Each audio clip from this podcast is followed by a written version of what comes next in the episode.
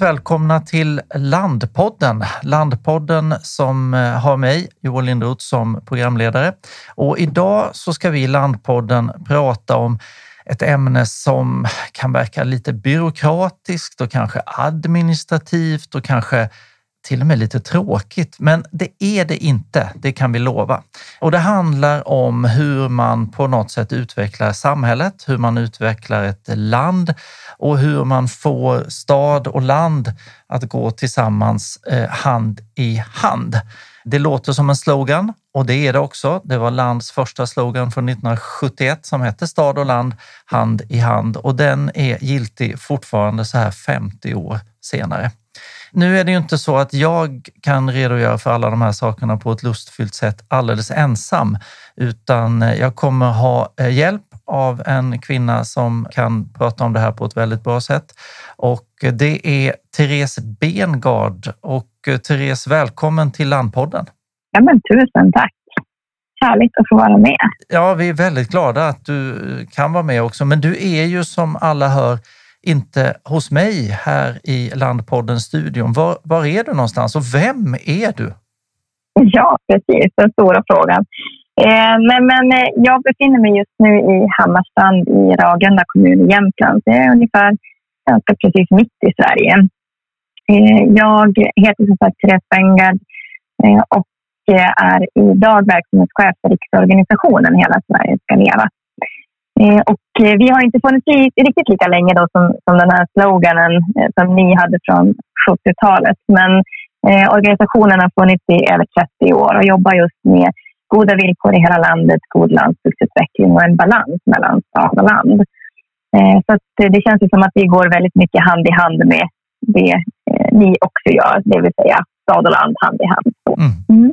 Ja, vi ligger ju väldigt nära varandra där och det finns ju jättemånga organisationer, aktörer, personer eh, som pratar om de här frågorna på, på, på olika sätt. Och du, skulle jag säga, i min värld är du i alla fall en av dem som gör det oftast och eh, om man får ta till lite kanske överord, men väldigt kärnfullt och eh, lustfyllt. Och det är den där kombinationen som, som jag tänker att vi ska försöka prata i när det gäller det här ämnet eh, i, idag.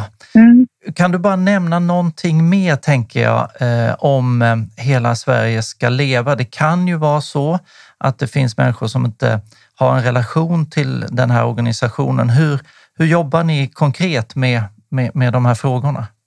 Ja, precis, det är ju så att vi egentligen då organiserar byarörelsen. Alltså det kan vara lokala utvecklingsgrupper, samhällsföreningar, hembygdsföreningar och andra som just jobbar med eh, att eh, få hela Sverige att leva.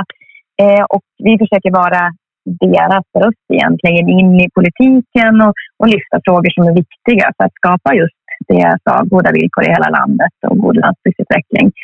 Och en del i det är att just visa på de säga, skillnader som finns i hur man ser på stad och land, eh, men också då på de obalanser som vi upplever ibland när det gäller resursfördelning och annat. Så vi försöker hela tiden ha de där glasögonen på oss. Att, eh, um, hur slår det här på landsbygden? Hur påverkas folk som bor på landsbygden i, i det här eh, förslaget som riksdagen har lagt? Eller hur upplever man eh, att eh, journalister beskriver en eller sådana saker? Så det är väl det vi försöker göra, att visa på det och bygga kunskap kring de här frågorna för att egentligen då tycker jag framgent skapa just den här balansen och att det är lika självklart att eh, leva och bo på landsbygden som det är att leva och bo i en stad. Att eh, det, är, det är olika val, men de är lika viktiga att, att vi får göra så.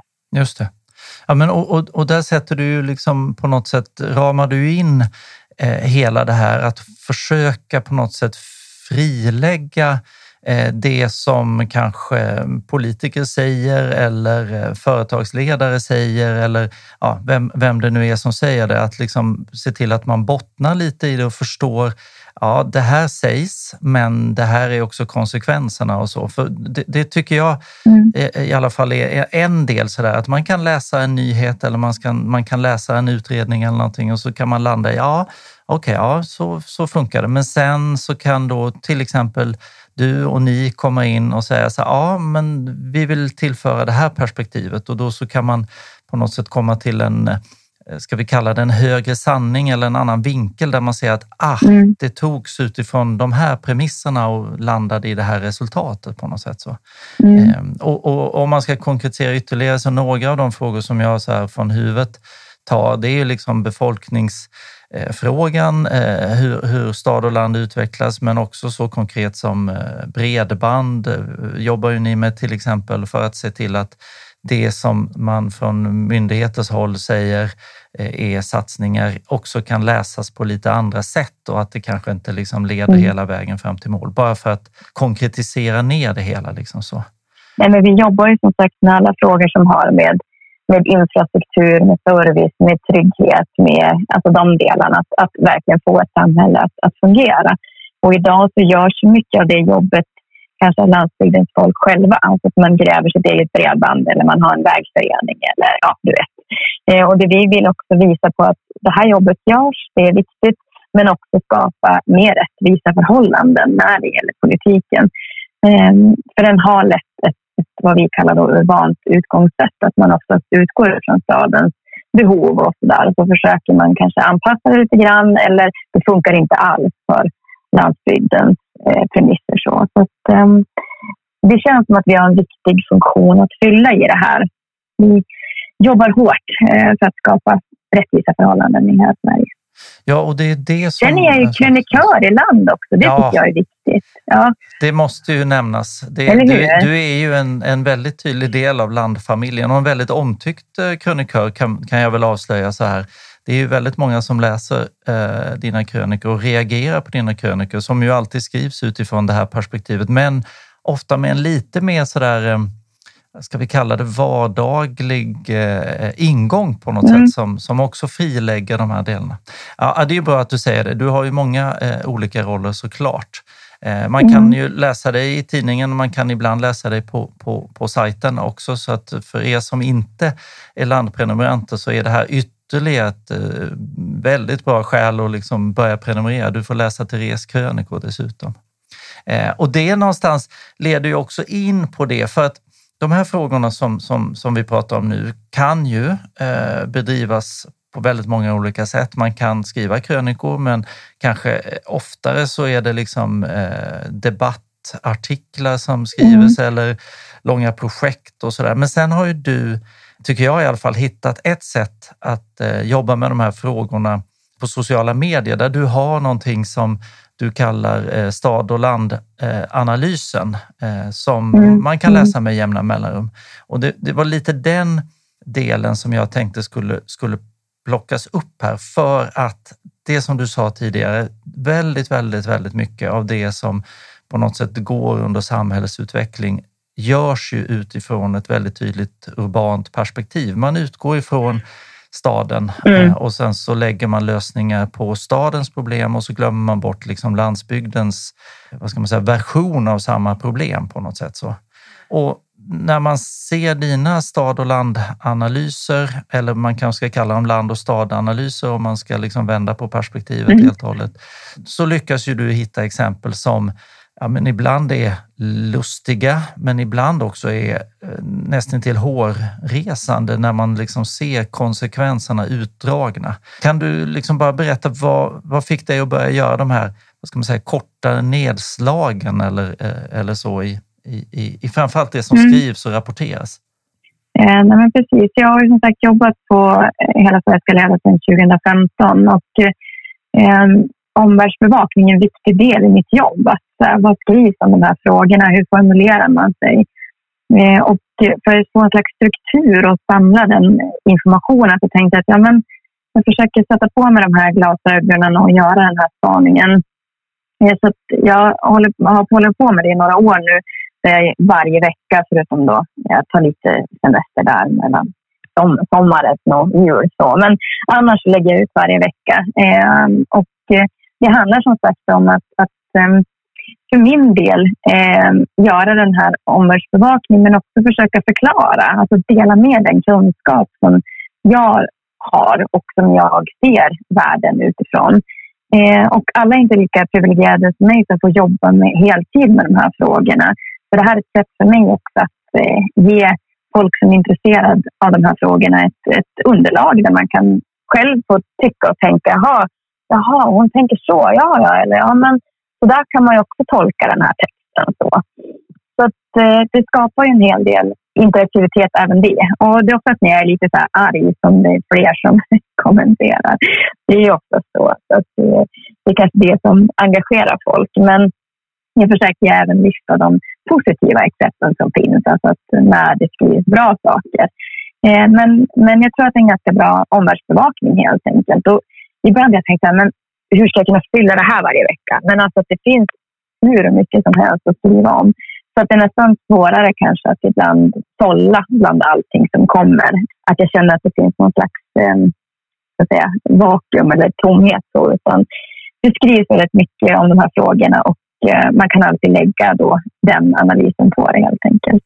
Just det. Och var, var kan man läsa dem? Jag läser ju dem på Facebook, men de, de kanske finns på fler ställen som inte jag känner till.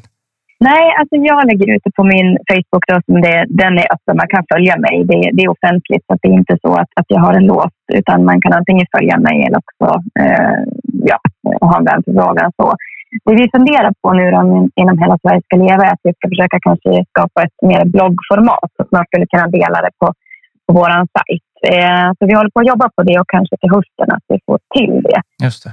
Och, och, och, det kan man väl också bara säga att jag, om man nu blir lite nyfiken på det här och det tycker jag, det tycker jag verkligen man ska bli. För att det är, eh, i min mening så är det, det är liksom väldigt smart och du kommer in från olika vinklar och snart sagt varje gång så, så, så ja, men man, man förstår, eller jag förstår i alla fall, att jag läser ofta saker utifrån ett perspektiv och det skulle må bra av att läsas utifrån fler perspektiv och det kan man ju göra på ja, men på alla sätt på, på, på genus eller på, eh, mm. utifrån mm. liksom hbtq-frågor eller något sånt där. Men du väljer att göra det utifrån landsbygdsfrågor och det, ja, det, det, det är en ganska det är en ganska intressant eh, läroprocess, tycker jag, som man kanske inte riktigt kan ta till sig om det är en liksom hård för eh, debattartikel eller någonting sånt. Sånt kan också vara bra, men det här gör det är lite mer mottagligt skulle jag säga. Så, så ni som lyssnar på det här, gå in och följ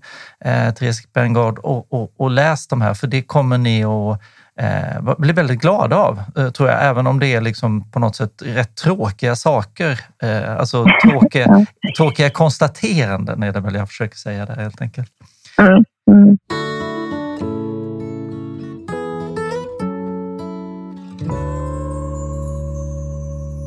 Jag bad ju dig inför det här samtalet att eh, lite sådär titta tillbaka. Det har varit några nu i närtid som är ganska häpnadsväckande, men titta tillbaka om man tänker under 2021 och ta fram någon form av lista, bottenlista kanske man till och med kan kalla det, eh, utifrån mm. dina läsningar. Så det är det jag tänker att vi ska bjuda lyssnarna på nu. Ha, känner du dig bekväm att göra det? Absolut. Det är som sagt jättesvårt att välja ut så. Eh, och jag tänkte att att jag kunde ta några eh, i närtid och så har jag någon som är lite längre bak i tiden. För att eh, det är som sagt, det fylls ju på hela tiden. Så att, eh, men eh, de som är i närtid kan man kanske relatera till, tänker jag, just nu. Då, så att man har, har koll på läget kanske. Så. så att, mm. Ja, men det är ju klockrent. Men tänk en trumvirvel och så kommer eh, Therese eh, bottenfavorit eh, nummer ett då helt enkelt. Ja, eh, jag vet inte om jag ska säga den som är nummer ett, men det är en av dem som har varit ganska mycket snack om nu och det handlar ju bland annat om då som jag eh, döpte till rubriken Veckans sommar Stockholmsprat. Eh, och eh, det är alltid stor grej när sommarvärdarna presenteras och där har då eh, Liv Jonasson och Jonas Bergström i två års tid gjort en kartbild över vart de här sommarvärdarna bor någonstans och det blir ju så att det blir väldigt tydligt att det är en väldigt stark eh, koncentration till framför allt Stockholm skulle jag säga. I den här så, så bor fler eh, utomlands eh, av sommarpratarna än som bor på landsbygden. Eh, och eh, man kan också se att, att det är eh, i norra Sverige så är det eh, tre stycken som bor längs kusten och en som bor längst i, i inlandet. Och så. Eh, så det blir en väldigt, väldigt stark ska man säga, koncentration till södra Sverige, till städer och, och då säger man ja men vi måste ha de som är lite kända, du vet. Så. Och då kommer man in på en annan problematik i det här, att det är så att måste man bo i Stockholm för att bli känd? Det är också sådär, eh, går det inte att, att på något vis göra sig en, ett namn om du bor i Hudiksvall eller i Hammarstrand. Så. Um, Sen så har jag varit lite på nu eh, public service under en längre tid just för att de också har ett speglingsuppdrag. För i deras uppdrag så ligger det också att man ska faktiskt spegla hela landet. Och jag, som jag säger, i mitt nätverk det finns hur många spännande människor som helst som skulle kunna prata om saker som man kanske inte har hört tidigare. Så att, eh, jag tycker att det också kanske skulle kunna vara bra att man lyfter det. Så det är en sån där väldigt i närtid eh, och det blir inte det blir inte bättre heller, du vet. Utan det blir som sådär att det fortsätter att vara väldigt storstadskoncentrerat helt enkelt. Ja, men och, och just den frågan är ju liksom lite speciell för Sveriges Radio har ju, precis som du är inne på, ett public service-uppdrag och ska täcka hela, hela landet och det, det gör man ju såklart. Men Sommar är ju lite av en, jag ska inte säga nationalklenod kanske, men det är ändå mm. ett program som alla oavsett eh, bakgrund eller geografisk hemvist eller social status eller vad det nu kan vara, har en relation till. Och mm. om man liksom lägger lite mer lök på den där laxen så är det ju precis som du säger, det här är ju någonting som ändå har uppmärksammats med jämna mellanrum och, eh, och ändå verkar det inte riktigt som att man Antingen tar man det inte på allvar eller så förmår man inte att omvandla det till ja, till en bättre liksom, placering av sommarpratarna. Men vad, vad, tror du att det beror på? Alltså vad är det som gör att man inte mäktar med? Det är ändå en ganska lång räcka av sommarpratare som, som får det här uppdraget varje år. Nej, men, men jag skulle säga också att det blir lätt så att, att det är en liten klick som sitter och eh, det, är så, det, det vet ju du också när man själv sitter och spånar namn till en landsbygdskonferens eller någonting. Man tar ju de som man har i sin närhet och som man känner till och som man har lyssnat till. Så här skulle kanske de som sitter i och, och tar ut sommarpratarna ta hjälp av lokalredaktionerna i, i eh, de som finns runt om i landet eller försöka bredda sitt nätverk och hitta andra personer som kanske kan tipsa om intressanta människor. Så jag tror att det blir lätt hänt att du vet, du ser din egen närhet närmast och eh, det är de personerna man tycker att man ska lyfta fram. Och jag menar med tanke på som sagt, som du säger, hur länge det har varit så, så kanske man skulle också fundera på eh, hur kan vi bredda det här? Hur kan vi hitta ännu mer intressanta personer som man inte vanligtvis får höra, eh, men som får den plattformen att berätta sin livshistoria eller sin, sin intressanta infallsvinkel på, på hur världen ser ut.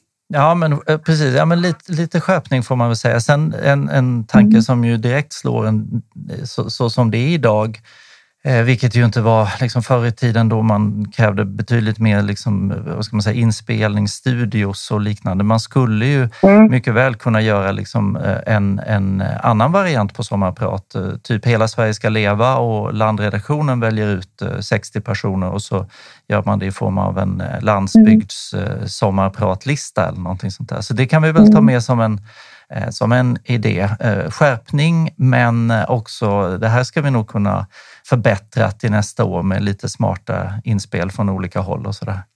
Ja, kan vi skicka den listan sen till sommarpratarna i, i P1 så kan de få lyssna eh, och välja ut som russinen ur kakan där. Så det är en bra idé. Mm. Ja. Ja, men då har vi, jag ska inte säga att vi har löst det, men vi har uppmärksammat vi är nära. det. Vi är nära en lösning. Ja. ja, men ett väldigt tydligt eh, och flagrant eh, exempel får man väl säga. Sen kommer vi ju såklart att lyssna på, på eh, sommarpratarna i, i år också. Det gör ju vi svenskar på många olika sätt, men man kan ta med sig när man lyssnar att ah, okej, okay, den geografiska hemvisten här Eh, är ganska tydligt koncentrerad till eh, betydligt mer urbana miljöer än vad Sverige i stort är. Liksom.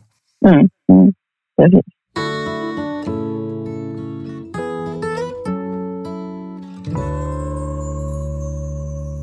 Vad har du med dig som eh, exempel nummer två?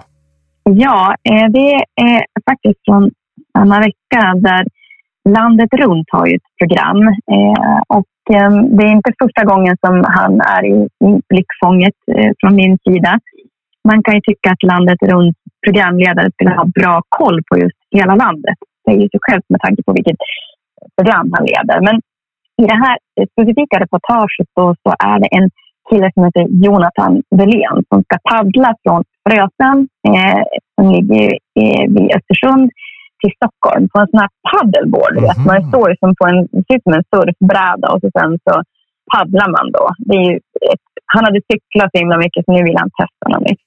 Okay. Och då åker man alltså in eh, Dalsälven ner eh, till kusten och så sen så åker han då längs kusten ner till Stockholm.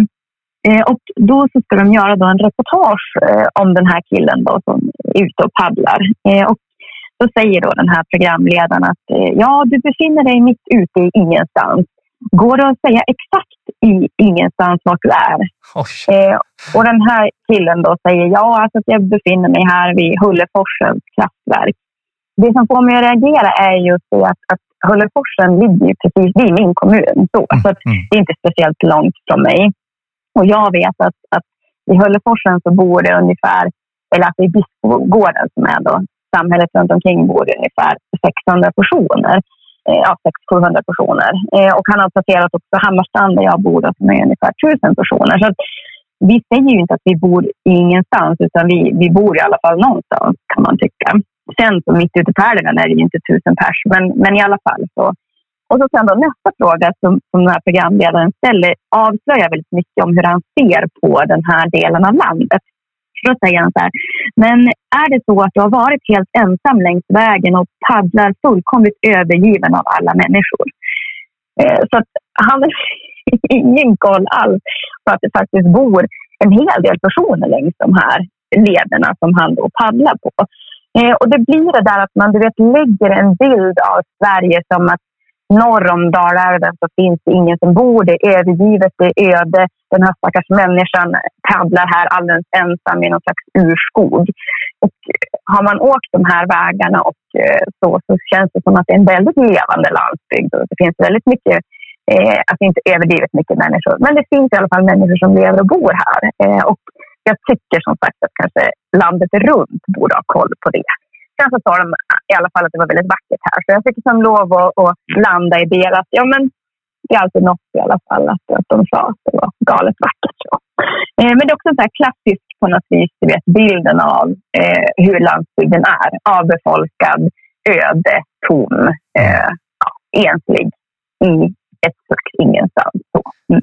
Mm. Och just det, den formuleringen, mitt i ingenstans. Man förstår ju utifrån ett liksom journalistiskt perspektiv att man försöker vinkla upp någonting. Man har bestämt sig för det här ska vi göra. Så. Men det är ju precis som du säger, då tar du ju bort på något sätt allt runt omkring och bara definierar så här, det är ingenting. Eh, och allt annat som har liksom bebyggelse eller något annat, det, det är allting. Eh, och vi ska väl bara säga också, ehm, det här är ju ett tv-program som vi pratar om nu och det är väl också mm. ett Sveriges Television public service-program? Ja, Just ja. Nej, men det, jag, jag, bara tänker så att man, man hänger med eh, i det.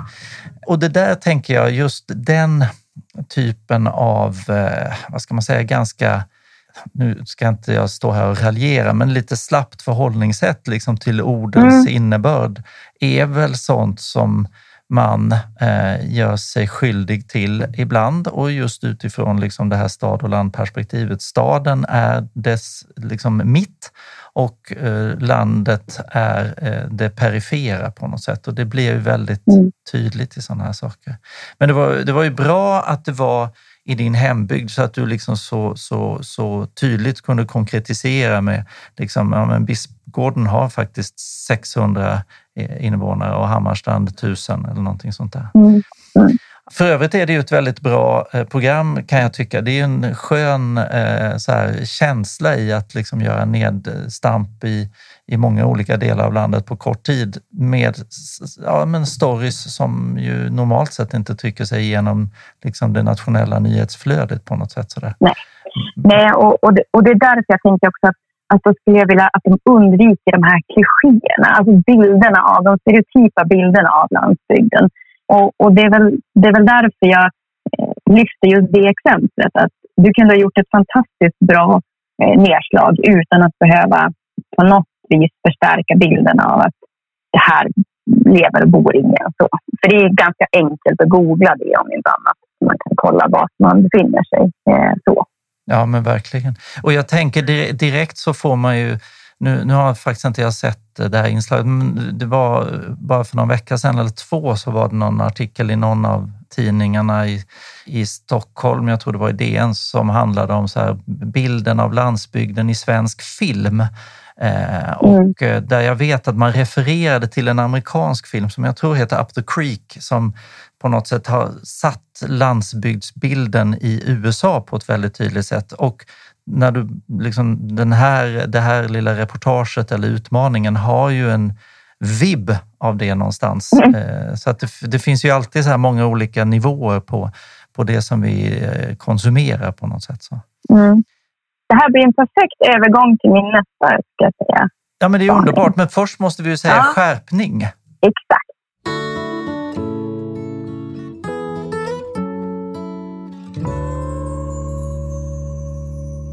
Ja, men bra. Men då landar vi i, i exempel nummer tre.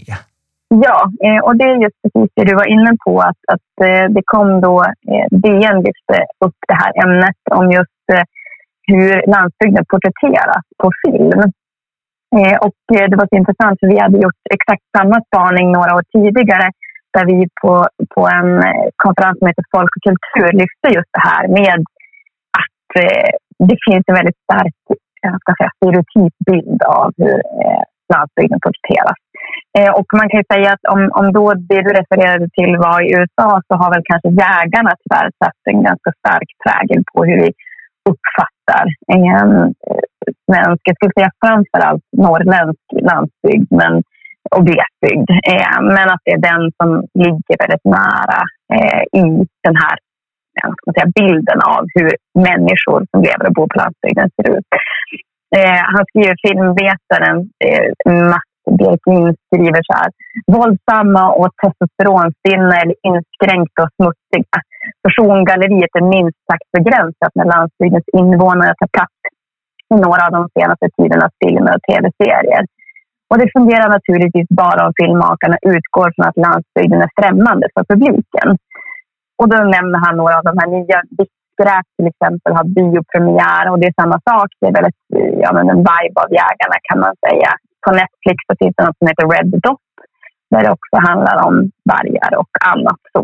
Eh, och, och det är som jag säger, att, att det handlar ju på något vis att man, att man fortsätter de här stereotypa bilderna. Först och främst så finns det sällan några kvinnor i de här eh, skildringarna. Eh, och oftast som sagt så är man lite dummare, lite sämre klädd, du vet, lite okunskap. Och ska någon då från staden, antingen någon som är hemvändare, det vill säga att man flyttat från ett ställe, flyttat till storstan och sen kommer tillbaka ska rädda då de här människorna. Mm. Eller att det kommer någon då utifrån som, som visar på hur, hur gammaldags. det är väldigt klichéartat oftast. Och tyvärr, det jag tyckte att den här artikeln visade var att vi har inte ändrat det. Alltså, det finns ju så många andra historier man skulle kunna berätta där landsbygden finns som en, eh, vad ska man säga, scen eller som en, en miljö så, eh, som inte alltid behöver fortsätta att eh, projicera de här klichéartade bilderna. Så att jag försöker också lyfta när andra lyfter de här exemplen helt enkelt.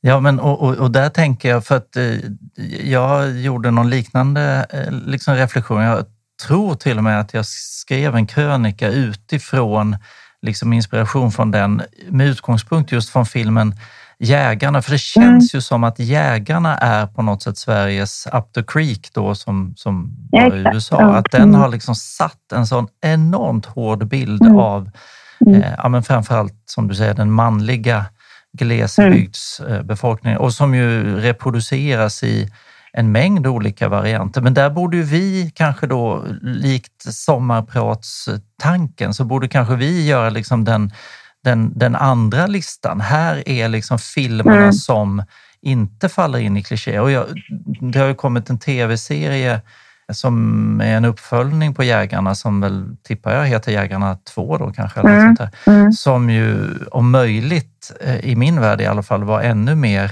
ja, stereotyp verkligen och där, eh, Mm. Mm. ja, där, det, där det går iväg. Nej, men den där är ju, den är ju en Mm. otroligt fast bild av, av hur man visar upp liksom landsbygd och glesbygd som du säger. Mm. Nej, det känns inte bra liksom. Nej, och det som jag säger, att det finns såklart att det finns eh, människor som är mindre sympatiska som bor på landsbygden, men så är det ju i städer också. På något vis så blir det att, att det måste vara att man porträtterar framför allt som sagt män som lite eh, dummare och eh, ja, eh, ja, jag, jag köper inte så. Eh, så att ehm, en mer eh, vad ska man säga, nyanserad bild eh, av landsbygden skulle jag uppskatta. Så att, att vi får berätta andra historier någon gång också. Så. Ehm, men, men det de säger, de här de man pratar med, handlar väldigt mycket om det där. För, ja, men det är enklare på något vis vet, att, att lägga in det här i ett sammanhang som folk känner igen sig Man behöver inte förklara så mycket då, utan då fortsätter man bara de här bilderna. Och det spiller ju av sig i komediserierna som finns, den här Leif och Billy. Det kan man tycka är lite roligt så, men det är också lite grann så här, ja. Eh, och utbyggda eh, är också sådana typer av exempel där då det, det handlar ju mer om komedi och satir, men det blir ändå en, en fortsättning av den bilden av landsbygdens män då. Så, eh, framförallt. Mm. Ja, men precis. Det, det är liksom antingen är man våldsam eller så är man smådum och i många fall Mm. så är man en kombination av de två.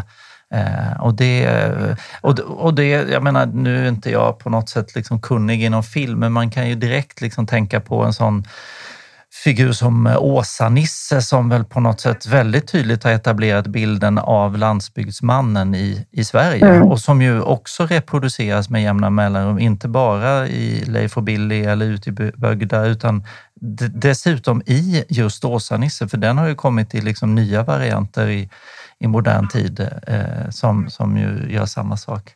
Eh, men det finns väl bara ett ord att använda i, kopplat till det här exemplet och det är ju Skärpning. Ja, skärpning. Har jag lärt mig eller? ja, precis. Jag har lärt mig nu efter tredje gången. Ja, det, nej, men det där är ju tydligt. Eh, Men, men även där, utmaningen till oss, det är ju så här, men visa på de goda exemplen. Det är ju, Mm. det är ju, det är bara att sätta en sån lista och, och visa på, här är listan för, för er som vill känna liksom en större nyansrikedom i relationen till populärkultur Mm. i landsbygd eller vad vi nu ska kalla det för någonting. Mm.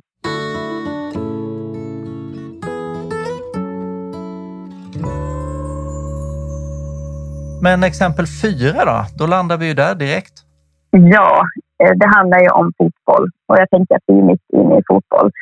Eh, och där var det då eh, assisterande förbundskaptenen som heter Peter Westergren som i en krönika skriven av Patrik Ekwall blev citerad.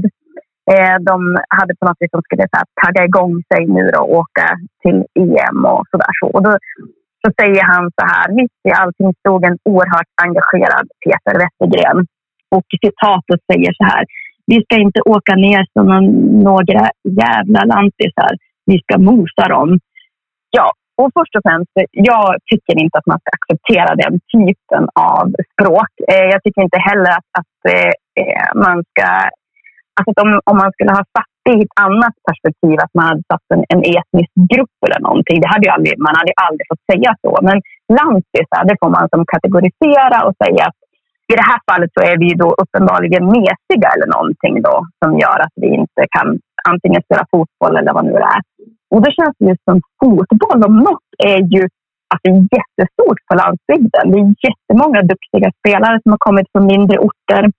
Och är det någon som vet hur man kämpar och inte blir mosad så är det väl ändå vi som bor på landsbygden, känner jag. Eh, så att jag kände att nej, det här, för mig är det här inte okej. Det är inte okej språkbruk. Och sen krönikören då hyllar det där. Han säger att ja, ja, ja, ordvalet, ja, men vad fan, man behöver inte säga, man behöver inte tolka det här så ordagrant och så vidare. Så där, så. Nej, okej. Men det kan ju ändå uppfattas som ett sätt som... Jag, jag tycker inte att det är okej. Så att jag fick lov att faktiskt ta med den. En liten känga till dem. Så. Ja, men och med, mm. med all...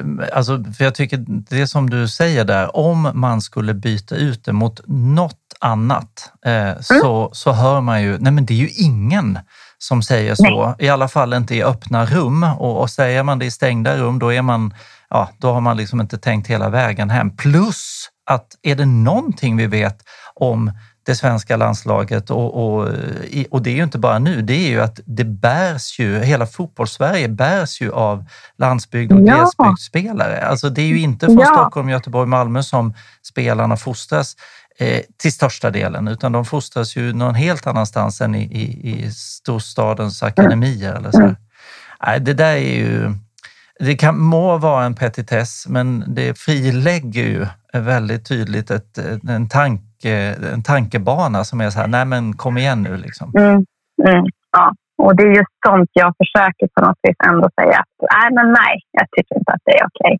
Nej men precis, för att i vanliga fall så skulle ju filtret eh, slagit till och, och jag Exakt. tänker liksom ja nu gjorde vi inte det i år, men jag vet att vi eh, till något mästerskap för några år sedan, jag kommer faktiskt inte ihåg när det var, då gjorde vi, eh, då, då, tog vi ut hela truppen. Det här var här truppen inför ett EM eller VM och eh, mm. visade var de kom ifrån och det var ju mm.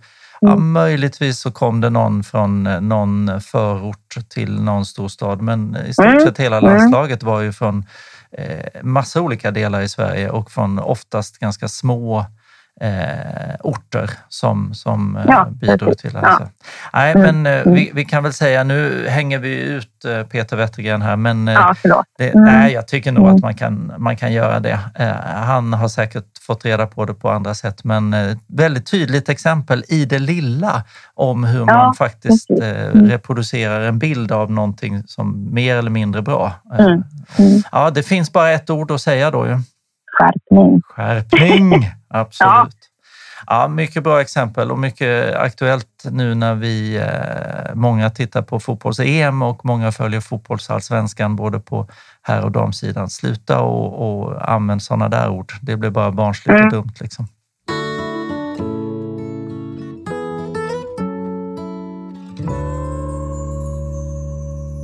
Ja, bra. Vi hade fjärde exemplet, väldigt tydligt, kan vi applicera direkt i vår vardag. Femte exemplet, vad kan det vara?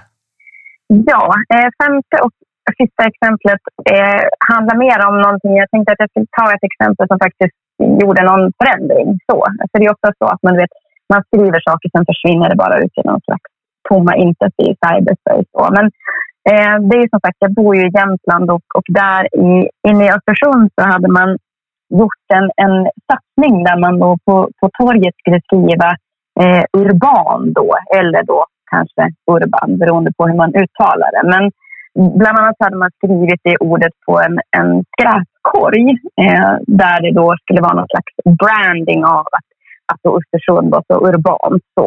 Eh, och jag gjorde lite le av det här och sa att men snälla ni, eh, alltså, Östersund är en fantastisk stad som kanske har helt andra saker än vad man förknippar med urbana eh, delar. Det vill säga att man har fjällen i, i bakgrunden, man har Storsjön, man har du vet, verkligen landsbygdsstad tycker jag. Eh, och mycket av deras historia går också ut på att det är en väldigt stark eh, landsbygdsprägel på det här. Eh, så istället för att försöka vara lite cool och tuff och bara skriva urban så tänkte jag att jag kan inte hitta på någonting annat som är lite roligare. Eh, så jag var lite elak med eh, dem och skrev kring det här. Eh, varpå då han som är centrumutvecklare ringde upp mig och sa att jag förstår inte vad du menar. Vadå? Vad är det här? Så vi hade ett långt samtal kring det här. Och han började väl förstå att, att okay, det finns en ganska stark urban norm och att jag sa att, att ni är lite så wannabes nu. Gör någonting som är unikt istället. Gör någonting som verkligen sticker ut. Att, att sätta ja, just då den här typen av kommun på, på karta eller den här typen av stad. Eh, varpå då det blev dels en poddinspelning, en diskussion kring det här, men sen också så faktiskt på torget så gjorde de, de hade skrivit då eh, urban som en, en sån här stor, som ett träplank om jag säger så. Mm. Men då ändrade de de bokstäverna till att de började lyfta fram olika byar runt omkring i, Jämtland istället. Så de lyfte upp Köttsjön och de lyfte upp Offerdal och sådär. Så, så de på något vis visade att vi är en del i ett större sammanhang. Eh, varpå då jättemånga tyckte att det var roligt att ta selfies vid de där. Och, Titta, det här är min hemby. Eller här kommer mina föräldrar ifrån. Ja, men du vet sådär. Mm. Eh, så det innebar att, att det jag skrev ändå du vet, fick någon att tänka ett steg längre och kanske också faktiskt agera utifrån det och göra någonting konkret. Så det kändes som, ändå som ett roligt exempel. Att ibland när man liksom skriver lite grann i affekt och tycker att eh, men det här var väl onödigt, så, så kan det faktiskt också generera positiva förändringar. Eh, att vi jobbar som sagt stad och land hand i hand så, och, och visar på varandras positiva sidor. Så att, eh, tänkte att det kunde vara ett bra så här, sista exempel där jag ändå säger att ja, men jag gör en liten, liten förändring ibland också faktiskt i verkligheten. Så. Jättebra eh, exempel och också väldigt tydligt på något sätt för, för, kanske ofta om man pratar om, om, om stad och land och så vidare så frammanas bilden av att ja, men det handlar om ja, kanske framförallt Stockholm versus resten på något sätt, men kanske också mm. Malmö, Göteborg och, och, och, så. Men här, det här belyser ju verkligen att det här kan man liksom applicera överallt bara för att visa på att allt hänger ihop. Den ena delen, mm. orten, byn, eh, kalla det vad man vill, är beroende av den andra och det liksom ska mm. växla mm. däremellan. Men vi får inte tolka världen utifrån bara ett perspektiv för då kommer det att leda fel. Liksom. Eh, och då behöver vi i det här fallet så behöver vi inte säga skärpning eh, för att eh, det, det, det händer ju någonting. Liksom. Och det, ja, exakt. Ja, och slipper du den, ja. den ordföljden. Ja, ja, men, men då kan man väl säga om de första fyra eh, inte liksom var lika hoppfulla och vi tog på oss att försöka liksom göra en en alternativ sommarpratslista och en alternativ filmlista. Så det här mm. sista landar mer i dur. Här hände det någonting ja. när du hade påtalat problematiken helt enkelt. Precis. Jag tycker att det var ett bra avslut. Så, eller hur? Mycket, mycket bra avslut. Eh, och, mm. och, och, det där tycker jag, liksom, där har vi fem väldigt tydliga exempel som eh, mm. också kommer ifrån sånt som vi, eh, många av oss, liksom eh, hamnar i eh, dagligen eller vecko, veckoligen. Man läser en text, man tar till sig eh, en nyhet eller något sånt där och då måste man med jämna mellanrum ändå ta ett steg tillbaka och säga, ah, men vänta nu, vad är det som sägs egentligen? Liksom? Um, och, och, jag kan ju säga, det tänker vi väldigt mycket på, alltså vi som, som, som gör tidningen Land. Vi har ju vår, vår huvudredaktion, eh, vi har ju den i Stockholm och det är ju på alla sätt paradoxalt eh, för att eh, vi, vi är ju liksom landsbygdens mm. röst och hur kan vi då sitta liksom i ett komplex i, i, i Kungsholmen? Och vi försöker ju lösa det genom att ja, samarbeta mm. med eh, duktiga skribenter och tänkare runt om i, i hela Sverige. Men det skulle jag säga, det är liksom en sån där där skulle du kunna liksom höja rösten och säga skärpning även till oss och så får man se vad, vad det landar i. Liksom. Bara, bara så att det är sagt.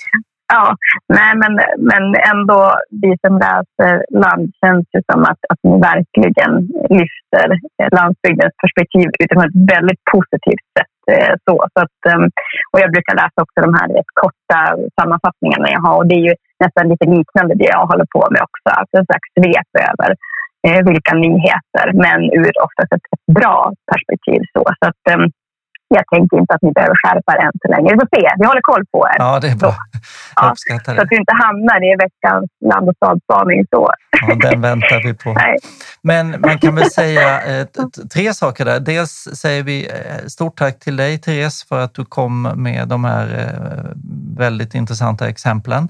Eh, vi säger också att med stor sannolikhet så kommer vi att höra dig i Landpodden igen.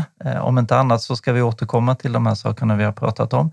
Och så säger vi till mm. lyssnarna att har du nu blivit nyfiken på att läsa eh, Therese reflektioner så finns det då ett bra sätt att göra det och det är på eh, Therese eh, Facebook-sida som är öppen. Det är bara att gå in och följa den så får ni en laddning av de här skärpningsexemplen eh, mm. eh, snart sagt varje vecka. Och man kan också läsa dig i land, i tidningen och eh, på sajten ibland. Eh, och så ska jag bara säga, eh, ni som har lyssnat, om ni funderar över något, tänker något, vill komplettera med något, då har vi mejladressen red.land.se, alltså red land.se och vi läser allt, för det gör vi alltid och svarar på alla de frågor som dyker upp. Annars önskar vi en eh, god lyssning och en god stund tills vi hörs i Landpodden nästa gång.